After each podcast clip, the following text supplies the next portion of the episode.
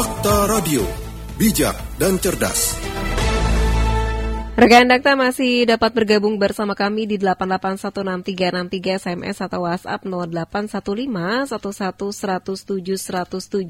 Follow dan mention di akun Twitter serta Instagram di @radiodakta. Siaran kami juga dapat Anda dengarkan melalui fasilitas audio streaming di www.dakta.com.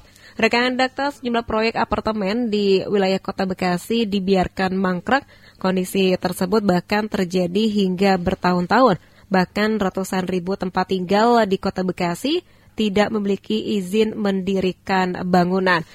Lalu seperti apa pengawasan selama ini dari Dinas Tata Ruang Kota Bekasi? Kami sudah tersambung dengan Kabit Pengawasan Ruang pada Dinas Tata Ruang Kota Bekasi Ashari. Dakta Radio, bijak dan cerdas.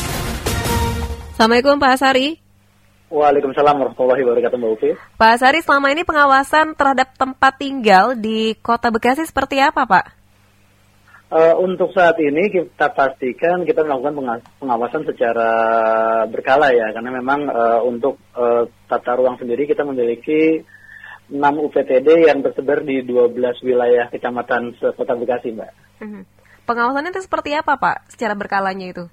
Uh, kita pastikan sebetulnya memang uh, kita memastikan semua pembangunan yang dilakukan oleh masyarakat uh, harus melalui prosedur dengan perizinan yang ditetapkan, yaitu melalui Perda Nomor 4 2017 harus memiliki IMB. Hmm. Nah, sedangkan di sini di Kota Bekasi masih banyak Pak, entah itu apartemen ataupun uh, rumah tapak ya.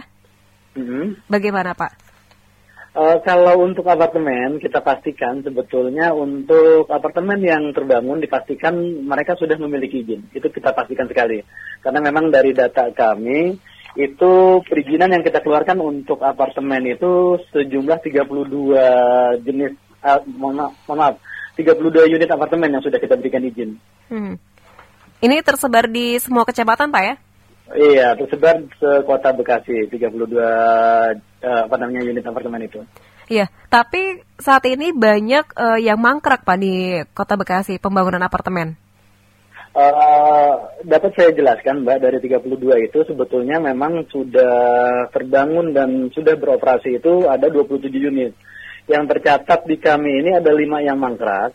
Uh, itu secara teknis dan prinsip perizinan itu sudah diselesaikan oleh mereka. Bahkan uh, proses ini juga sudah terintegrasi dengan perizinan-perizinan yang lain. Artinya memang mekanisme perizinan sudah ditempuh oleh mereka. Iya, memang selama ini untuk penerbitan IMB bagaimana Pak? dipastikan mereka juga sudah memiliki IMB untuk pembangunannya. Artinya memang mekanisme ini sudah tertempuh karena untuk sebuah pembangunan harus uh, melalui prosedur uh, penertiban penerbitan IMB dulu. Hmm. Kalau mekanisme mereka ternyata tidak melanjutkan pembangunan, itu perlu pendekatan yang lain. Pertama mungkin karena kemampuan finansial. Kemudian mungkin saja karena di dalam prosesnya ada uh, penjualan yang tidak tidak mengembirakan misalkan. Hmm. Jadi memang tidak terkait dengan proses perizinannya. Hmm. Iya, tapi bagaimana untuk mereka yang tidak memiliki IMB, Pak? Entah itu uh, perumahan ataupun uh, dari apartemen tersebut? Uh, saya pastikan sekali lagi untuk apartemen yang terbangun dan tidak dilanjutkan itu dipastikan mereka sudah memiliki IMB.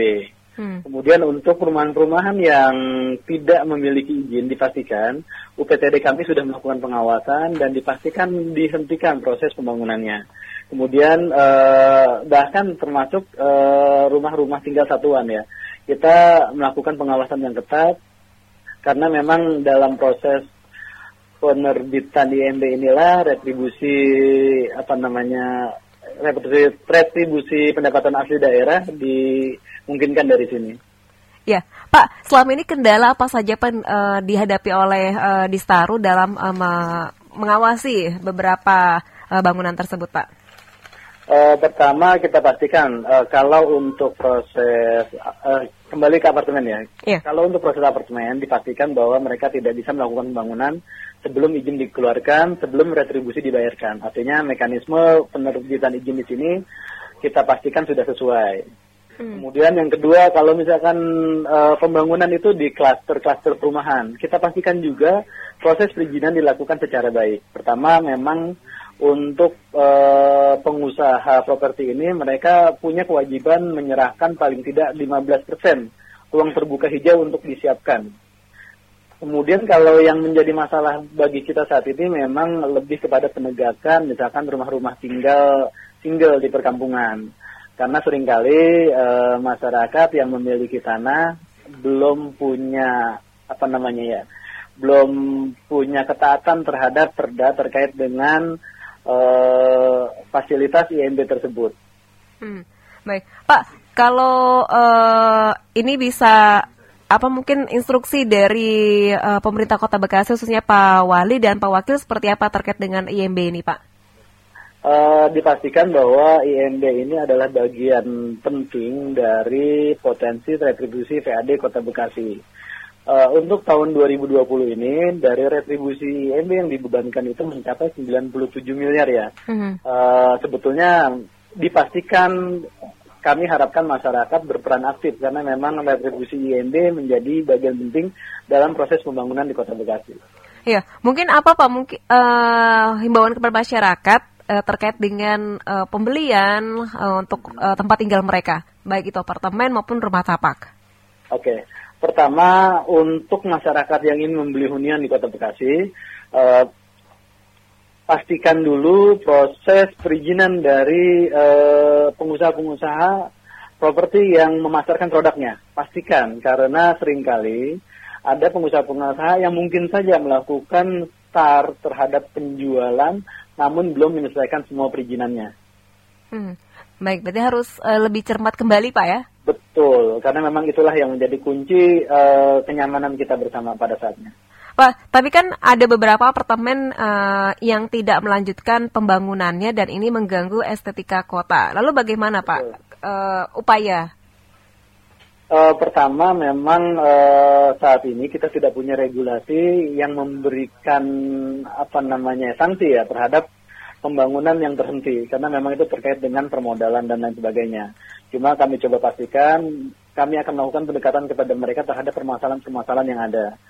Kemudian eh, hal-hal uh, yang lain saya kira ini kan terkait dengan lembaga-lembaga lain. Misalkan kalau misalkan apartemen yang mangkrak kemudian bersinggungan dengan konsumen, ada lembaga perlindungan konsumen misalkan, atau misalkan hmm. dengan badan penyelesaian sengketa konsumen. Tapi tidak kepada regulasi perizinan di pada dinas tata ruang. Hmm. Atau mungkin uh, ada koordinasi dengan pihak pengembang, Pak? Betul, kami pastikan kami melakukan itu. Kami komunikasikan, jangan sampai apartemen-apartemen yang mangkrak ini menjadi penghambat dalam sudut pandang uh, apa namanya uh, penataan tata ruang Kota Bekasi. Baik dan Bekasi tidak penuh lagi nih Pak ya dengan uh, bangunan yang mangkrak ya. Betul. Baik. Karena memang kita adalah uh, apa namanya pintu masuk ke ibu kota ya Mbak ya. Iya. Baik. Pak Sari terima kasih sudah berbincang bersama Dakta Pak. Terima kasih. Assalamualaikum warahmatullahi wabarakatuh. Waalaikumsalam warahmatullahi wabarakatuh. Dakta Radio bijak, dan cerdas. Kepala Bidang Pengawasan Ruang pada Dinas Tata Ruang Kota Bekasi, Ashari.